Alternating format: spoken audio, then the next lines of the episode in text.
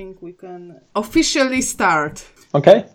Yes. So, first thing, I would like to thank you very much for allowing me for this meeting, for allowing me to an- interview me. It's a great honor. I'm so excited that, uh, you know, incredible. It's thank a pleasure. A pleasure. Um, if you uh, be so kind and say just a few words about you, because uh, you, I think you're quite known in Poland meanwhile, but for people who see you first time, this may be interesting. Okay.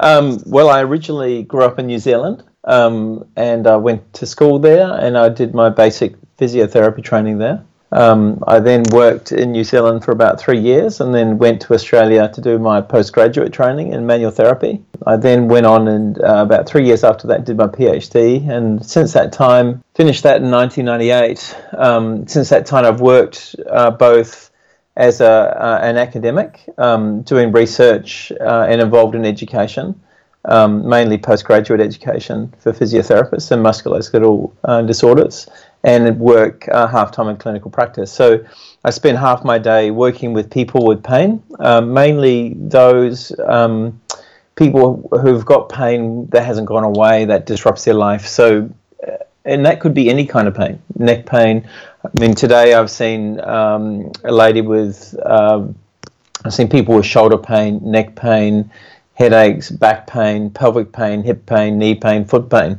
Um, that's a typical day for me, and the typical story for those people. Uh, I've seen many people. Uh, they've got ongoing pain. They've got various, you know, they've got stuck, and they can't do the things in life that are important to them. So that's brought them to see me. So part of my world is uh, the research world, uh, and part of my world is the clinical world, and they really cross over hugely. Um, in that the work we do in research explores what's going on with people with pain.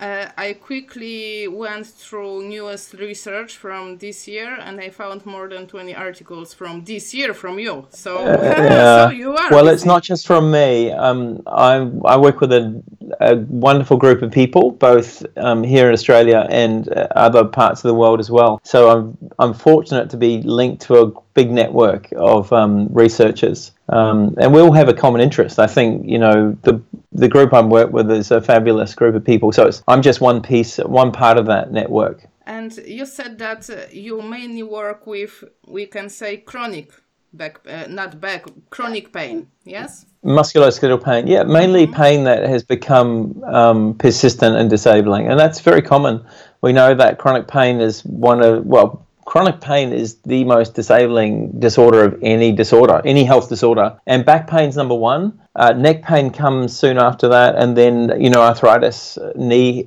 other peripheral joint pains comes after that. So it's a really common problem and it's a, a problem that can absolutely ruin people's lives And this is something what you did from the very beginning. And I wanted to ask you, what was your first idea about the pain, the uh, approach to chronic uh, chronic pain? Yeah. So, um, if you understand my background, because I trained in New Zealand, I had influence of a lot of different people at that stage. Um, uh, the you know Robin McKenzie was very big. Um, he developed, you know, he lived in New Zealand, and the whole McKenzie system was really based on pathoanatomical understanding of pain. So my understanding of back pain then was very much around it's about pathology it's about biomechanics it's about you know the risk of bending and lifting and causing you know migration of discs and you know annulus and ruptures and nuclear you know posterior protrusions and all these kinds of thoughts that drove a behavior uh, like a clinical behavior of telling people not to bend and you know telling people to sit up straight use lumbar rolls and Yeah. giving them all these biomechanical theories around structure. Um, so fundamentally, I would have had a biomechanical and pathoanatomical view of pain um, that originated from my undergraduate and then, you know, into my early years of, of training. And I and I did, I did heaps of courses. I trained to manipulate, mobilize, mobilize with movement. I could do any technique you can imagine. And did it I could work? crack any I could crack any joint in the body, and I I, I, I found it um, very concerning that um, you know I, I was very good at treating symptoms, but I didn't really understand the cause of the pain. Uh, and and it, it concerned me that people who I treated came back with the same problem again and again. So I could influence their symptoms for a short period of time, but they were coming back with the same problem, and that concerned me. Um, and then there were other people where I would do these treatments and it wouldn't work, and I didn't understand why it didn't work. Um, uh, and probably because I have a great interest in people, um, they came, they trusted me to come back and tell me it didn't work. I think as clinicians, we we often trick ourselves into thinking everything we do helps because the people who we don't help don't come back to see us, and so we don't remember them. Um, and there are lots of those people in society who we haven't helped, who we don't remember. We remember the successes often, and not the people who we can't help. Um, so after I did my basic training and um, my postgraduate training in Australia, I I did two jobs. I worked both in a pain management clinic and I worked in a private clinic. Um, the private clinic was more people with aches and pains who came in with stiffness, and you could manipulate them and mobilize them, and they'd be happy in the pain clinic, these people were profoundly disabled and they had um, very disrupted movement patterns. They were frightened, they were distressed, they were depressed, they were on a cocktail of drugs that had surgery, they were in wheelchairs. And so this other world I hadn't seen open up to me, which made me realize that these techniques that I'd learned as a manual therapist just didn't make any sense made no sense at all. I like couldn't use them, so I needed a bigger toolkit. Uh, I needed a, a bigger understanding of pain, and I had to change how I practiced. And uh, how did you start searching for new things? How what Um, was the start of the new you? so- because I found your articles from the Yeah. before and Yeah, after. right. Yeah, big change. So, um, so when I first started to do, re- I realized that I had this hunger to know- for knowledge. Um, back in the early '90s, there wasn't a lot of research in around pain. Um, you know, it was we were just on this uh, early stage of understanding. So all our thinking and physiotherapy is very young as a profession. Um, there were not many people with PhDs, very few people doing research. Um, not many in Australia at that time, and Australia was probably one of the earlier countries to for physiotherapy to go into the university system. So um, I had this hunger for knowledge, and I read everything I could get my hands on to try and build my knowledge. And um, I decided to start doing. I decided to do research. I was either going to get out of the profession or go and do some further study. So I ended up um, doing a master's degree, and then that went into a PhD. And through that journey of my PhD, which was very biomechanical and structural, um, you know, it was looking at instability as I thought it was back then. Um, that was the way I saw the world. But the more I read and the more I looked at the data that we had, um, the more I realized that a lot of what I was thinking was around my beliefs. But actually, when we tested, when we did research to test hypotheses, it didn't support our beliefs and so we had to change. We had to completely change the way that we were thinking, and even up in you know um, around um, 2000, I published a paper in um, manual therapy back then, and it was still very biomechanical in terms of my thinking. It was just around that time there was a big um, evolution in terms of understanding of neuroscience. A, a guy called Max Zusman, who was based at Curtin University where I work, was a fierce promoter of uh, neuroscience. That he was kind of really interested in this whole area of neuroscience, and he used to throw these articles at me all the time. And I'd read these articles, and and it was like these two worlds were colliding, where my biomechanical structural brain colliding with this neuroscientist brain, and it didn't quite fit. um, uh, and so uh, I also, at that point in time, got involved in a longitudinal study.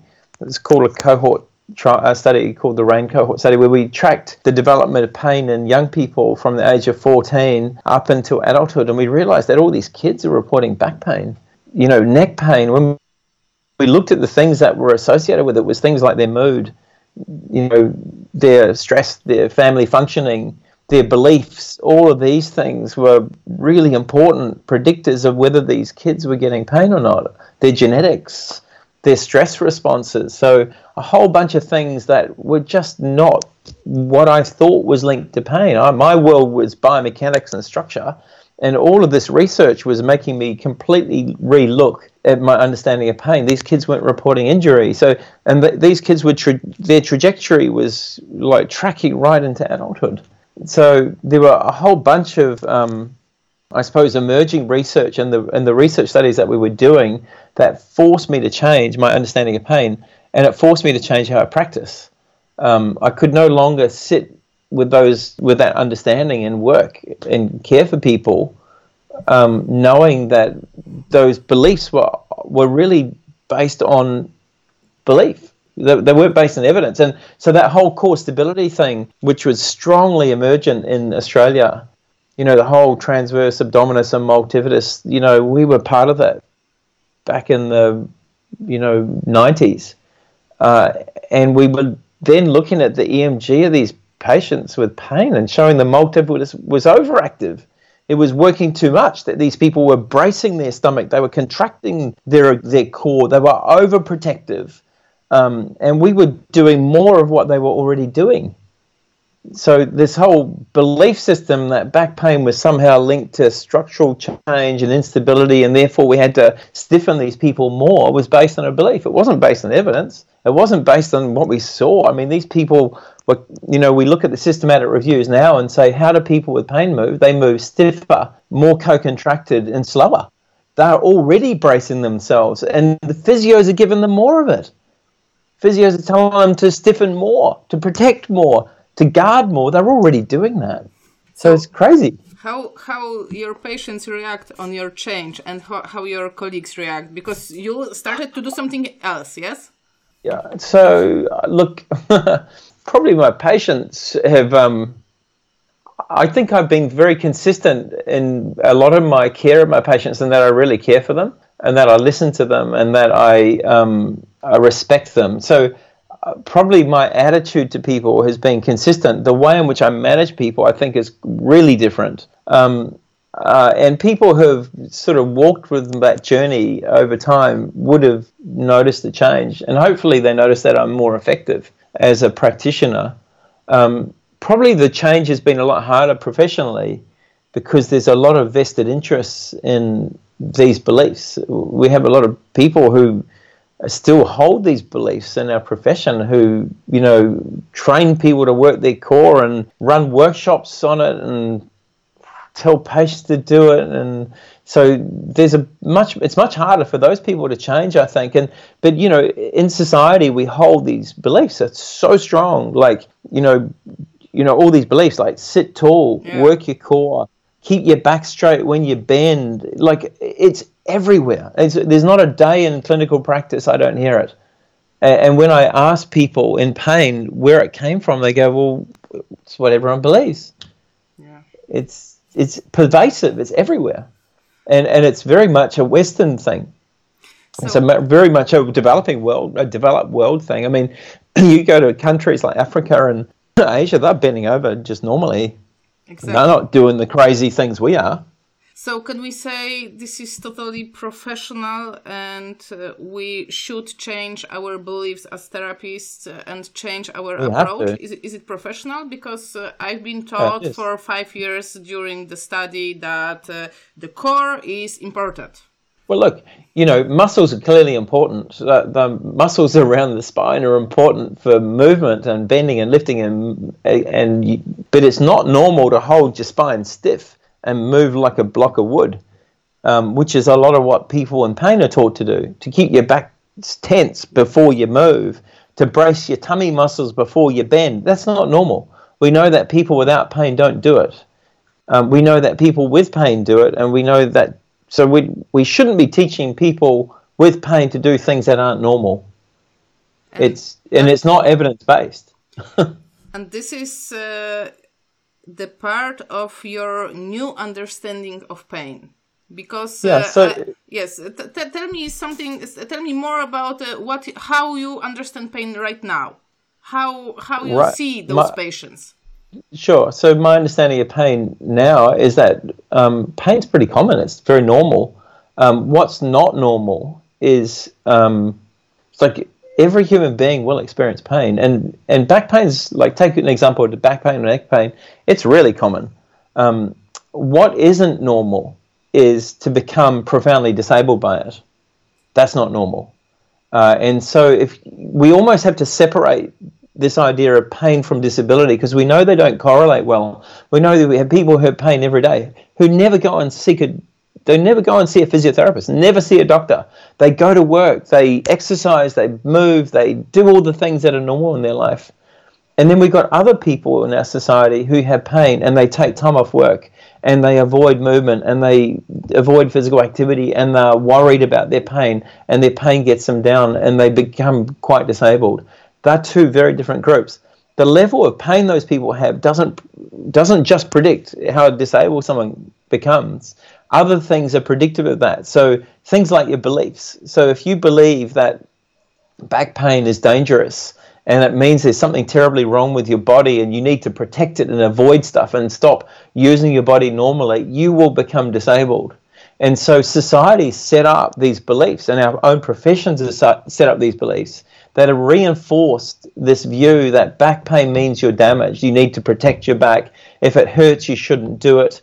Um, you need to rest to protect it. You need to guard it. You need to strengthen your core. And unfortunately, all of those beliefs have have, have reinforced this idea that back should be feared. So when we look at the things that predict people becoming disabled, or pain becoming persistent and disabling, it's things like your beliefs, like I'm not going to get better, um, things like I'm damaged, things like I can't go to work, I shouldn't involve myself with physical activity, I need to get treatment. And that leads to fear, and fear um, is a potent driver of the central nervous system. Fear drives increased muscle, muscle tone and protective guarding. It drives hypersensitivity through your HPA axis, um, which can sensitize your system. And then once you take a human being and stop them from doing stuff they love, they get down. And so, and they get worried. Um, they might worry about the future. They might worry about their, their ability to care for their kids or whatever. And so they start adopting behaviors and those behaviors might be internal behaviors, like I'm going to protect my back by tensing it. I'm going to stop moving in a normal way. I'm going to start guarding my back. But also behaviors around avoidance. I'm not going to go to work, you know, bend I'm going to do cooking. I won't do the gardening. I won't mow the lawns. I won't. And so you start seeing avoidance occur. And that sets up a, a, a really horrible cycle of what we call a vicious cycle, where our thoughts our, our behaviors and our emo- negative emotions, we know are potent drivers through the central nervous system of um, promoting pain but also disability. So when we look at someone with pain, we're thinking through the lens of sure you've got to uh, identify if it's something serious like you know we have to screen for red flags so that you're not misdiagnosing something like a malignancy or an infection or inflammatory disorder or fracture um, or like nerve compression and cauda equina symptoms. But that's a really small group of patients, really, really small group. I mean, you're talking 1% to 3% of people, uh, and very often they don't present to physiotherapists anyway. They end up in ED um, or, you know, seeing a doctor. Uh, but, you know, I've seen them before, so we need to be aware of that. The majority of patients that we see uh, with back pain, um, back pain that may emerge from a period of um, high levels of stress, or that their their mood is down, or they're not sleeping, or they're under pressure, or they haven't been active, or they're very tense, um, or they do something that they're not ac- not accustomed or fit for, like they go out and lift heavy load, and they've been sitting for three weeks doing nothing, um, and they may develop pain, and then what happens to that pain depends on their beliefs and their behaviours that's usually influenced by healthcare practitioners. And unfortunately, the health system feeds these myths. Yes. So we've created a monstrous yeah. problem. Yeah. yeah, all this rubbish. Yes. Sit tall, pull your tummy in, yes. don't bend, all this rubbish that we've been taught as physios and we've shared with the rest of the world. So, uh, as you are saying about this, it sounds so complex. So, uh, are we even qualified to to treat it? Absolutely. Well, you have to be to. You have to become. You have to become. Someone has to become qualified to treat it, right? because who's going to treat it? Like, it's, this is not a, this is not a problem for a psychologist because a psychologist deals with things like anxiety and depression, and that might be a sequelae from pain. But this is about the embodiment of pain. You know, like this is about this is something happening in someone's body. So yeah, as physiotherapists, we have to we have to become extra skilled. So we need additional skills. We've got to change our training we have to be trained in communication. We've got to be trained to identify people um, who may have comorbid mental health problems. We've got to be skilled to explore people's beliefs and their their fears, and skill to build their confidence back in their body to engage with things that they love, to go back to work, to you know engage with physical activity and their things that they value in their life. So they're different skills, and yeah, we need to skill our profession to do it. Unfortunately, we've spent so much time skilling ourselves in things that probably aren't very we know aren't very effective or may actually in some cases not be helpful so that that's a challenge for us and it's a huge challenge within the university systems and and you know we've we've put out an ebook um, um, with colleagues of mine uh, around a framework of understanding pain and it's being picked up by a lot of universities all around the world now as a framework of understanding pain. And it's a what we would call a multi-dimensional framework. It considers all the factors that we know are important for pain, and, and we think that's a framework that should be picked up by physiotherapy programs and taught at an undergraduate and a postgraduate level because it's evidence based and it's it's a it's a um, understanding of pain that is irrefutable now. Are there some things that uh, every physio for example, who watched this material, he thinks, okay, I want to change something. What can he What can he do right now? I don't know. Search for articles. Change your own beliefs. change your own beliefs. Change your own behaviors. You know, I think change happens within. I mean, I've had numerous injuries um, and pain events in my own life where I have learnt through my own experience that protecting and guarding and avoiding never leaves you in a good place.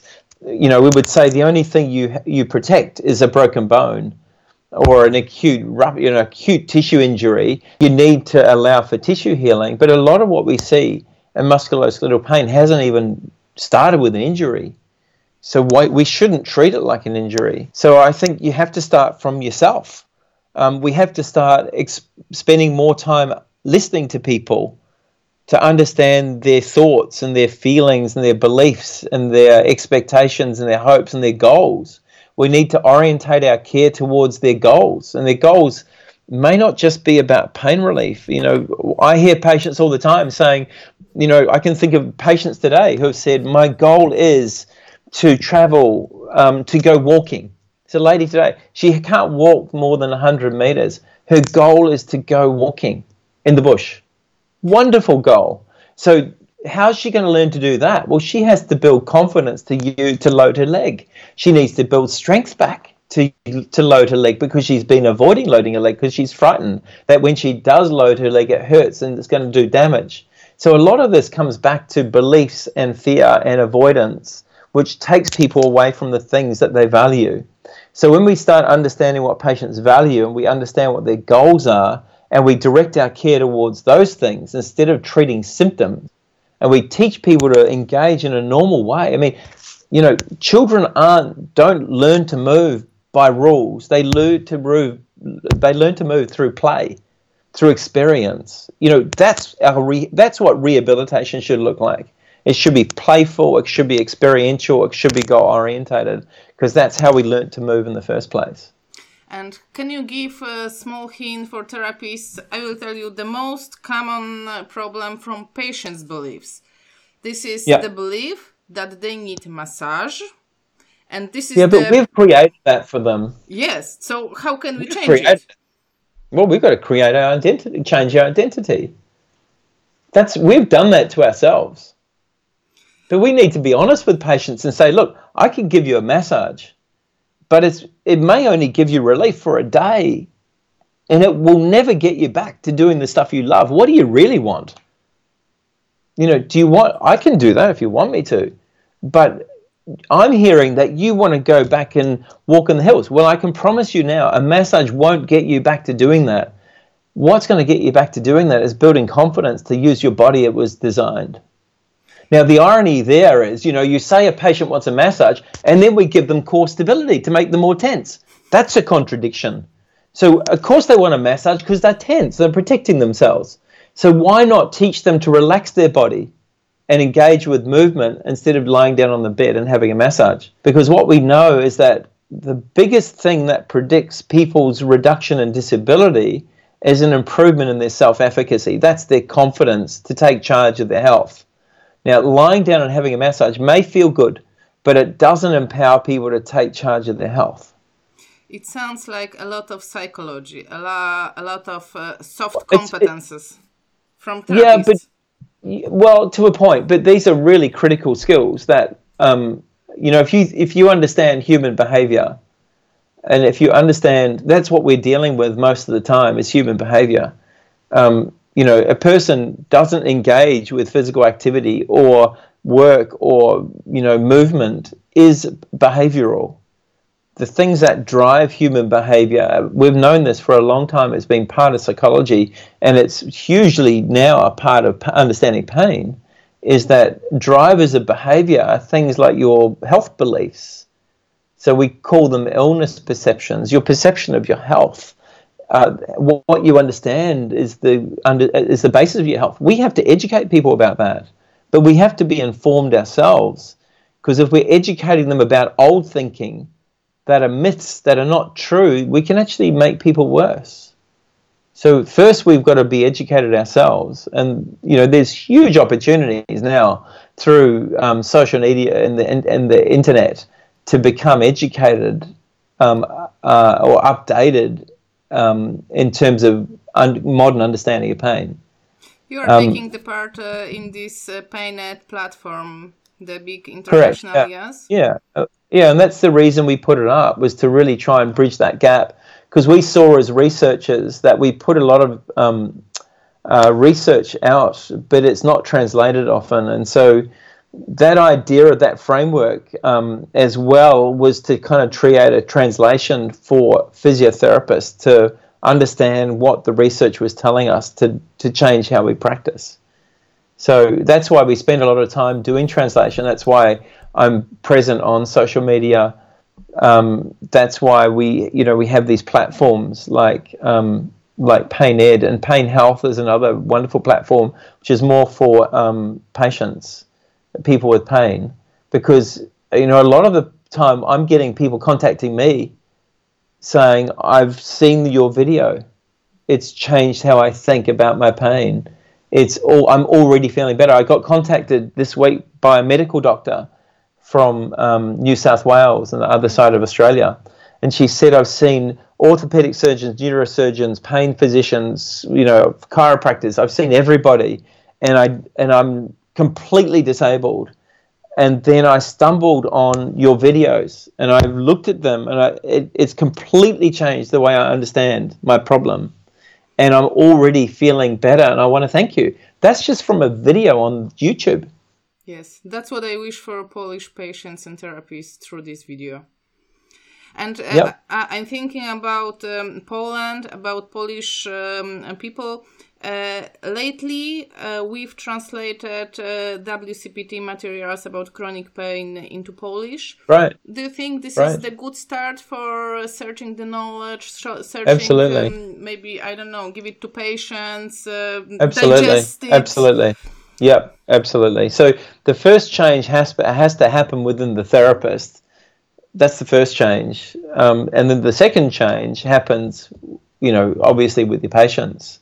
Uh, but it's a it can feel like a massive shift, um, particularly when you feel like the things that you've invested yourself in your training, you have to change. But you know that's been my journey, and, and there's something wonderful about change. Um, it's very freeing to feel like you can learn and change. I think for some people it might feel threatening, but um, I think in the long run, it's a very positive thing. And you know, we are a young profession. We're evolving. Our understanding of pain is still pretty young compared to other areas of medicine. Um, unfortunately, practice is like 14, 15 years behind knowledge. And so trying to bring knowledge into practice is incredibly hard. Um, just takes time. But you know, we're we're pretty relentless in the way in which we, you know, uh, are trying to promote a shift. And you see a lot of there's a lot of good people who are present on social media and you know who publish widely and who present.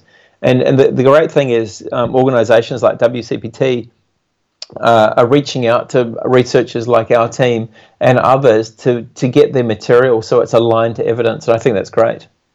So we can say we physios are are the key. We are the key to the change. I think we have a wonderful opportunity. If we don't change, another profession will take it take the opportunity. I believe that. So let's we'll be left we'll be left behind.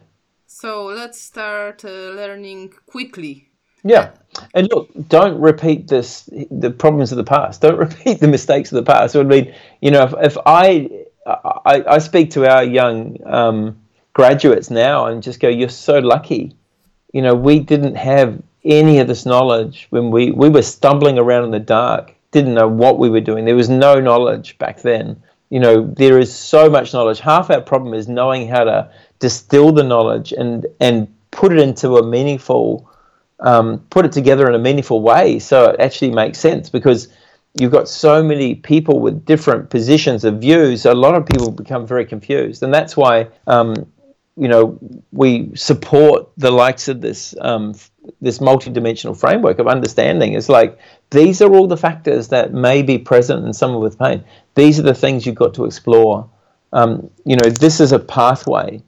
You know spend your time if you want to spend your time wisely empower people um, to change, build their confidence in their body, get them back to doing the stuff they love because that's it can be hard, but that's the real challenge.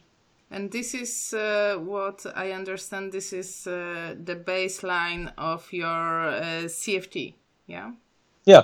So um, the, you know we didn't really know what to call what we were doing, but um, it's uh, the name makes sense. It's cognitive and it's functional. So it's about beliefs and behaviors. Because um, what a lot within this approach, we're tar- we're challenging both. Uh, we often challenge the beliefs through changing a behavior. So we target behaviors.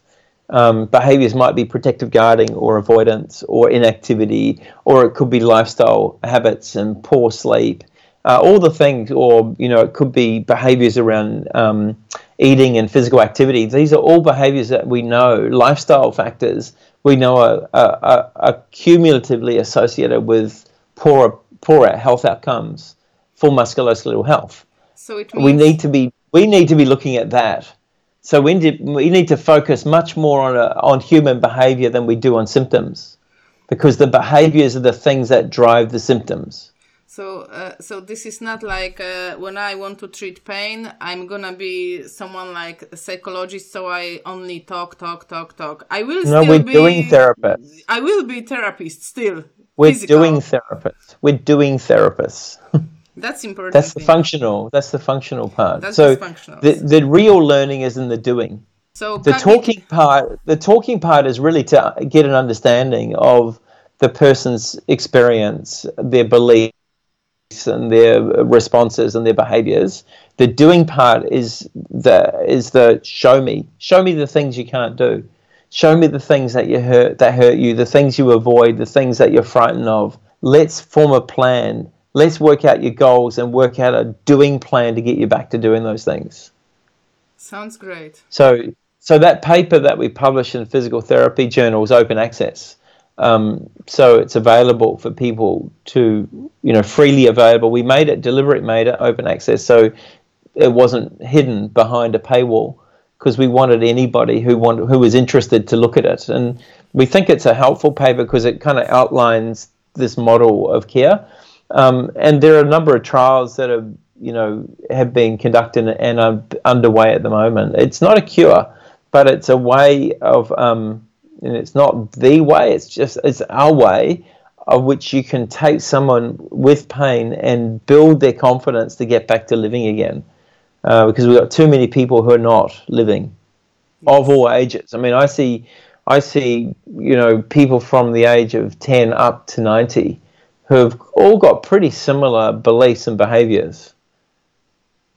So You know, I'm, beliefs. I'm, I'm gonna link the article uh, under the under this movie, and uh, uh, if you recommend, I don't know, like one book for therapists that they should uh, read, or maybe maybe Yeah. this is this article. What would you recommend? Where yeah. to start? So so the therapist? ebook the ebook that um, our group have put out i'm obviously biased on this because but i think it's very useful and we've had wonderful feedback from it so there's an ebook called um, a translational framework for musculoskeletal pain um, and that can be downloaded um, as an ebook but it's it's it's really an overview of all the it's an overview of the factors that are important for understanding pain for any kind of pain.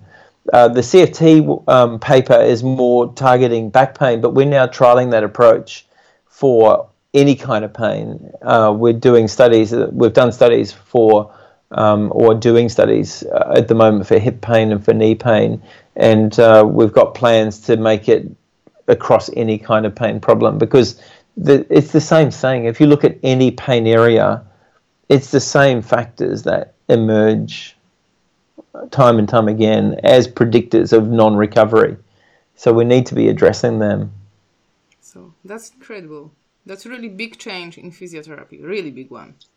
Um, look, I think for some parts of the world now, um, it it might seem big. For other parts of the world now, I think you know uh, some of some of the physiotherapy programs are already adopting this knowledge, so it doesn't seem so big. So the the physiotherapists who are coming out already come out with this understanding. So much easier.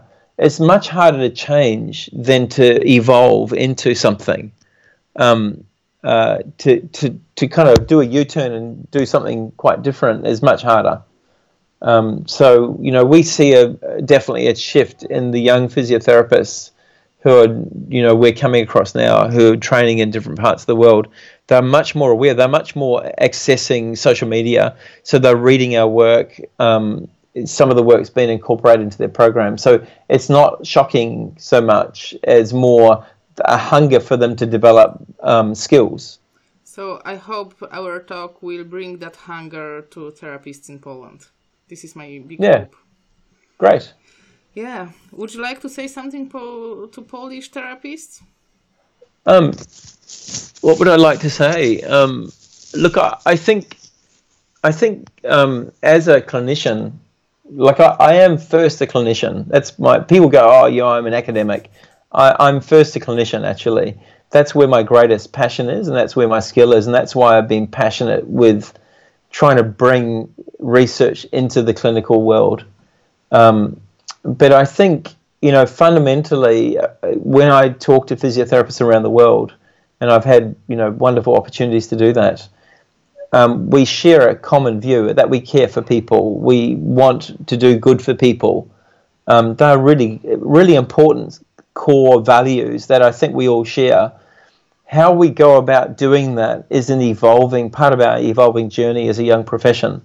Um, and I, don't see it as throwing away your skills. I see it as building your skills, broadening your skills. So instead of, it may be that you change the way you understand something or the change the way you go about it, but the fundamental values around care for another human being uh, are all consistent. And so, you know, we wouldn't want people to hear something like this and and feel like um, they're not competent. For example, um, being caring for a human being is a consistent thing that you know I think we all share. It's how we go about doing that in a way that can really empower people for for change. It, that's the challenge.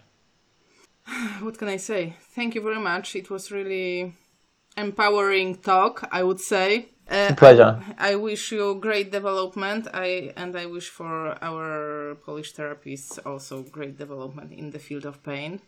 And one more time, thank you, Thank you. so much for this meeting. It's a pleasure, and thank you for uh, the opportunity to talk. So, thank you. Bye bye. Pleasure. All the best.